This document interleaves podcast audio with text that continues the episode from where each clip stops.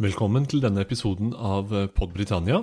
Vi går her inn i vår statsministerserie med sjefen selv, eller den, den, nåværende sjef, Boris Johnson, som en slags foreløpig avslutning på denne serien om britiske statsministre.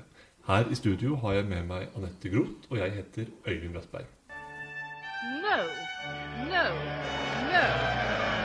What we are asking is for a very large amount of our own money back. The choice is in your hands. We've had a meaningful vote. We had it in the referendum on 2016. Order!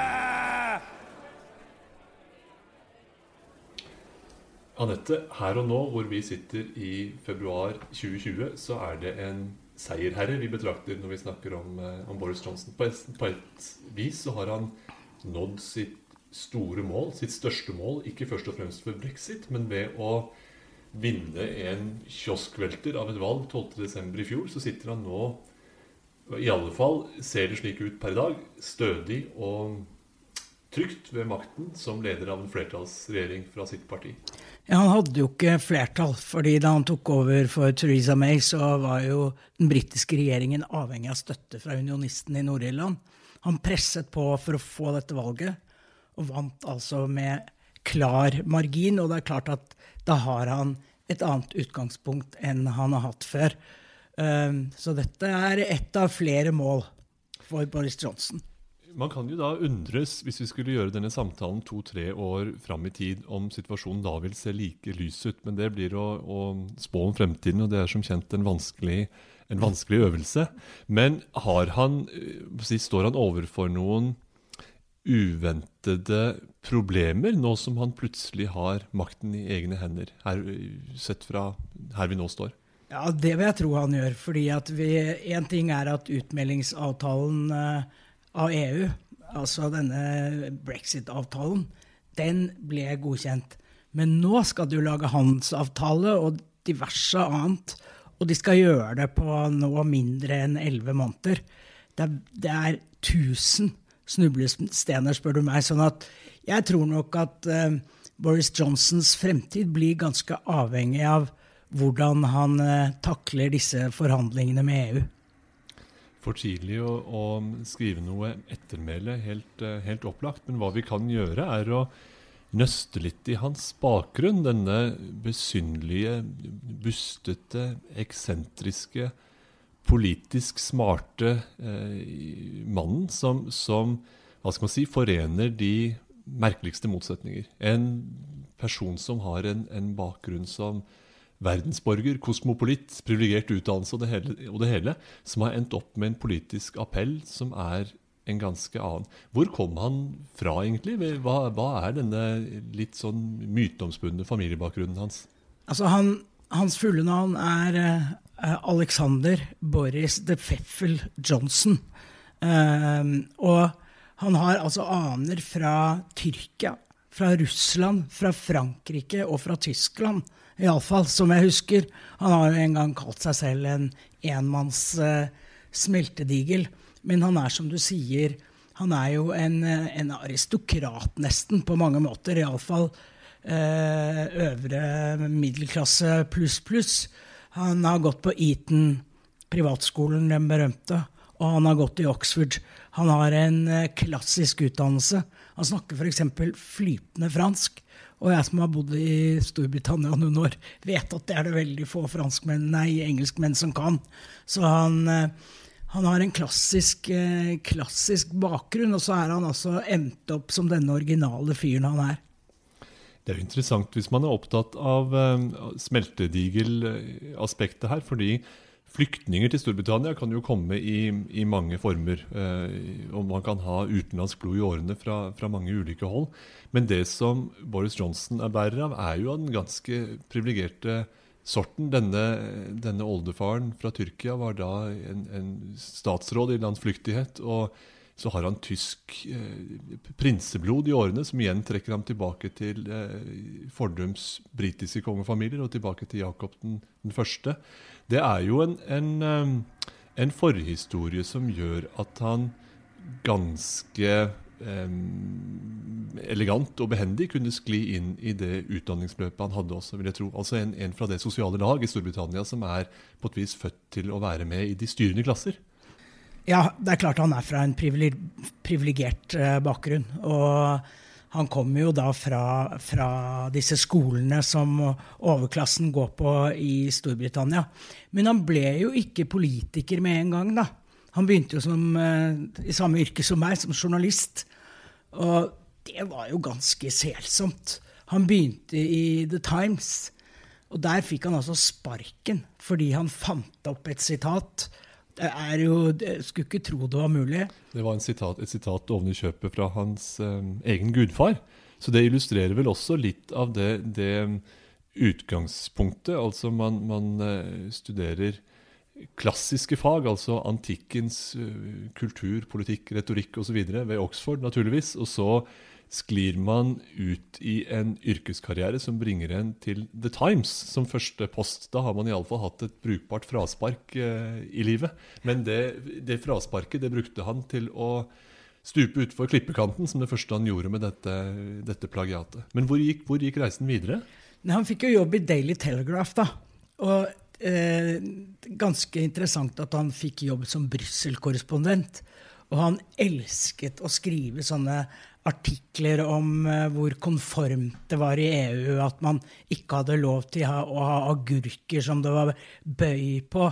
Og at det var sånn eh, st spesiell størrelse på kondomer som man måtte ha innenfor EU.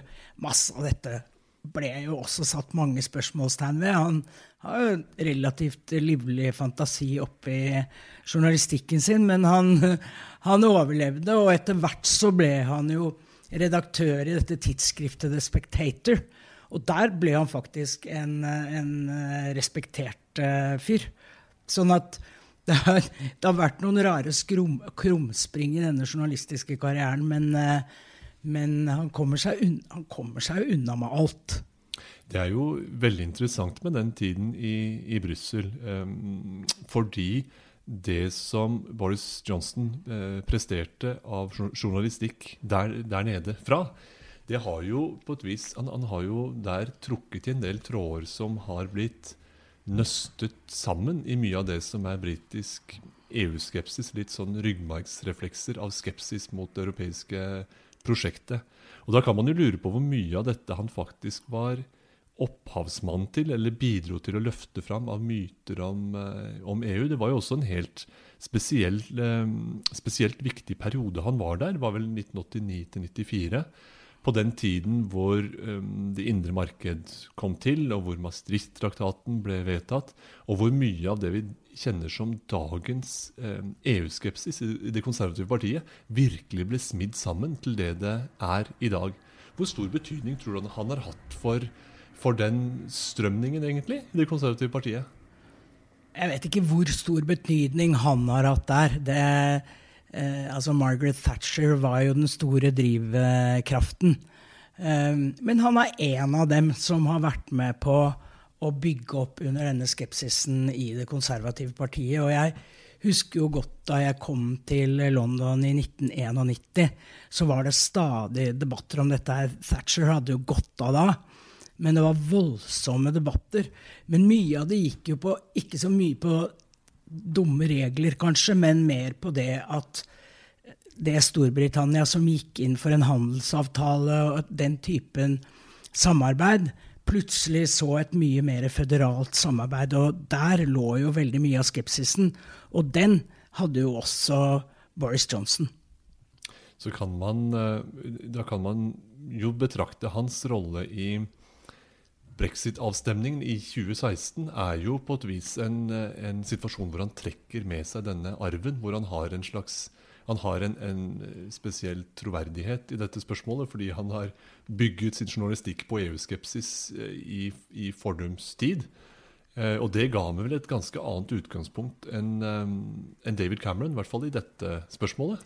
Det tror jeg nok, men samtidig så blir det jo sagt om, uh, om, Boris Johnson at han faktisk ikke helt visste hva han skulle gå for. Om han skulle si nei eller ja til EU. Det går jo historier om at han hadde skrevet to avisartikler. Uh, den ene for og den andre mot. Og så endte han med å sende inn den som var mot. Og så ble han jo en forgrunnsfigur i den eh, kamp, kampen for å forlate EU. Men eh, han, var ikke, han, var ikke, det fyrtårnet før dette her skjedde, som han senere har stått eh, frem som. Vi skal komme litt tilbake til dette med politikk som søken etter makt, for det er eh, absolutt av, av betydning her. Men vi bør si litt mer om hans familieliv også i, i, voksen alder, for det har vært ganske broket. Gift i 23 års alder, skilt og så gift på ny. Fire barn. Eh, vedvarende utroskap. Eh, kan du utbrodere litt de forskjellige svinger som denne, denne mannen har tatt? Ja, Den viktigste konen da, det var kone nummer to, Marina Wheeler, som han vel var gift med i over 20 år, tror jeg. Um, og som han fikk disse fire barna med.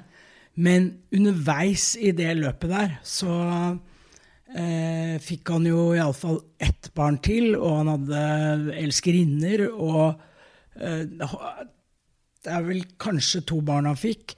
Eh, det var litt, det var litt um, usikkerhet rundt det, men han fikk jo blant annet uh, sparken eh, i, en, i, en, konservativ skyggeregjering fordi han løy om et av disse forholdene sine. Og Marina Wheeler, hans kone gjennom alle disse årene, hun var jo en tålmodig sjel og tok ham tilbake hele tiden. Og det var en historie hvor han var blitt tatt på fersken for noe, da, men han kom hjem, sto på trappen hjemme og eh, sa det at nei, jeg, jeg, skjønner, men jeg skal gå nå inn til min kone og, og gjøre opp, og vi skal, vi skal, finne sammen igjen. Og der sto han med en haug med pressefolk rundt seg. Så snudde han seg og skulle åpne døren, og så var låsen blitt skiftet. Sånn at, men hun, to, hun tok ham tilbake også etter det. Men nå er det slutt. Nå har han en ny, ung eh, samboer i eh, Downing Street nummer ti. Eh, sånn at jeg tror nok ikke at Marina Wheeler tar den tilbake igjen. Sier det noe om, om eh, Hva skal man si? Om, om, politikkens vesen, eller sier det noe om folk som Boris Johnson? Eller hva er det som gjør at, at denne typen historier kan tillegges en viss sjarm når man snakker om Boris Johnson i, den, i, i, de rammene, mens det hos andre ville blitt oppfattet som um, ufyselig og, og utenkelig for en politisk leder? Det har jo noe med hans sjarm å gjøre. Det, det, kan ikke stikkes under stol. Men er, jeg syns jo det er helt utrolig hva han slipper unna med. Jeg har sett ham på nært hold mens han var borgermester i London. Og en meget populær sådan, uh, må man si. Og da, han drev jo på da også med å, å være utro og alt mulig. Men han syklet rundt i gatene der med det rare håret med sykkelhjelm på. Han kom uh, til eh, parlamentet, til rådhuset rundt omkring. Han hadde alltid sykkelen med seg. Og han eh, gjorde mye populært i, i Storbritannia. Blant annet så innførte han bysykler, Boris Bikes. Og så gikk han, eh, han, gikk han inn for at de skulle fortsette med toetasjes busser. Det var snakk om å innføre sånne leddbusser. Det ville ikke Boris ha noe av. Og det ville ikke folk heller. Så det var sånne ting han gjorde. Og han snakket med folk. og på meg så virket det jo som han var litt sånn typen at hvis du snakket med ham, så følte du virkelig at du ble sett, og at du nesten var alene med ham. Så det har noe med den sjarmen å gjøre, og du kan si at det er kanskje urettferdig overfor folk som ikke er så sjarmerende, men uh, han slapp unna, og slipper unna med mye. Politikk er også sjarm. Det er uh, noe som er lett å, å glemme i en tid hvor mange ser på, på, det kompliserte og det byråkratiske som, liksom de, som viktige drivhjul, så skal vi huske på at politikkens vesen også handler om sjarm og umiddelbar appell. Og der stiller Boris Johnson sterkt. Han stilte veldig sterkt i så måte i borgermesterrollen, for den er jo også politisk nokså uforpliktende. Iallfall er den ikke preget av mye komplisert detaljstyring. Det, det er jo en del sånn um, en del muligheter for en litt sånn seremoniell, begeistret funksjon og litt krumspring for å synliggjøres. Og der lyktes Boris Johnson godt. Jeg er veldig spent på nå hvordan det går eh, fremover resten av dette året. For det kommer jo til å, å bli helt avgjørende for hvordan hans fremtid blir. Disse forhandlingene med EU om en handelsavtale Altså det er så mange punkter som man skal gjennomgå. Hvordan skal man klare det på mindre enn elleve måneder? Sannsynligvis så ender de vel med et eller annet rammeverk, sånn at man kan fortsette videre. Men Boris har jo sagt at vil ikke utsette den fristen. Årsskiftet 2021. Da skal vi være ferdig. Men å se for seg at man skal ha forhandlet alt ferdig på den datoen, det tror jeg nesten er umulig. Men et, et rammeverk kan være mulig, og kanskje kan han redde seg eh, ved det. For hvis de ikke får til noe, så står vi jo igjen i fare for en hard brexit. Og det vil han ikke ha stående på seg, det er jeg ganske sikker på. altså. Det er jo også en slags eh, Det er på en måte en, et, et, kroneksempel på den klemma mellom en sjarmør med sans for, for slagord og, og, punchlines på den ene siden, og veldig kompleksitet på den, på den, andre siden. Jeg tror Boris Johnson, til tross for en ganske lang og, og mangfoldig politisk karriere, så har han sjelden stått helt oppe i den klemma, fordi han ofte har kunnet spille på litt av det, det pompøse og slagordspregede, og sjelden har blitt satt veldig under, under press eh, i møte med skarpe tidsfrister og politisk kompleksitet. Akkurat nå står han der, og han bør helst ha en uh, stab omkring seg han kan, uh, han kan stole på. Det, vil dette være en regjering som, som uh, danser etter Boris Johnsons pipe? Det tror jeg. men det er klart at EU danser ikke etter Boris Johnsons pipe. Og de kommer ikke til å være noen enkle forhandlingsmotstandere her. Snarere tvert imot. Og de kommer også til å utnytte at disse fristene er så korte. Å, da sier de ok, da får vi ta opp de viktigste tingene. Vi tar fiskeripolitikken, for det er viktig for oss. Vi vil ha tilgang til britiske farvann. Og det kommer til å bli så beinharde forhandlinger at Boris Johnson alene kan ikke påvirke det. Det er mange ting som skal spille sammen her. Han har jo valgt, han valgte jo en veldig dristig strategi i valget og det viste seg jo å, å bære frukter. Og du har jo fått f.eks. et Nord-England som er veldig forandret. Altså, Labour har jo mistet så mye makt. Og det er Boris som har fått makten i disse områdene. Men i det politiske spillet og de reelle forhandlingene som kommer nå frem mot årsskiftet 2021, så må det mye mer enn Boris Johnson og slagord til. Det er eh, fascinerende. Dette Gordon Brown, eh, den tidligere statsminister for Labour, snakket eh, ofte krast om, om David Cameron for hans meget privilegerte bakgrunn. Og han viste til politikk som var tenkt ut på de grønne plener på privatskolen skolen Eton, at dette umulig kunne være til gagn for det britiske folk. Her har vi en statsminister som er eh, født i New York, har gått på skole i Brussel, deretter Eton og Oxford og nå står han, forsyner min hatt, i, i Hartlepool og andre nedslitte nordengelske arbeiderklassebyer og, og forkynner sitt budskap. Det er en, en meget pussig allianse som er skapt, og en, han har kastet om på mye. Han har kastet om på mye, og han vil jo gjerne kaste om på mer. F.eks. så vil han flytte overhuset til York. Det er jo ganske originalt forslag. Um, og han har jo lagt frem en rekke områder eh, som han sier er viktig i tiden fremover uh, i britisk politikk. Men det er klart at først så må han gjennom dette året her. Og han må få til noe som, uh, som han kan leve videre med. For blir det en hard brexit, så er det ikke sikkert at Boris Johnson blir gjenvalgt. Enn så lenge så har vi en statsminister på toppen av sin uh ja, on the top of the greasy pole, som de sier om, om de som har klatret opp til statsministerjobben. Boris Johnson er der nå med sitt bustete, eksentriske vesen. Vi skal følge hans videre ferd med interesse. Absolutt.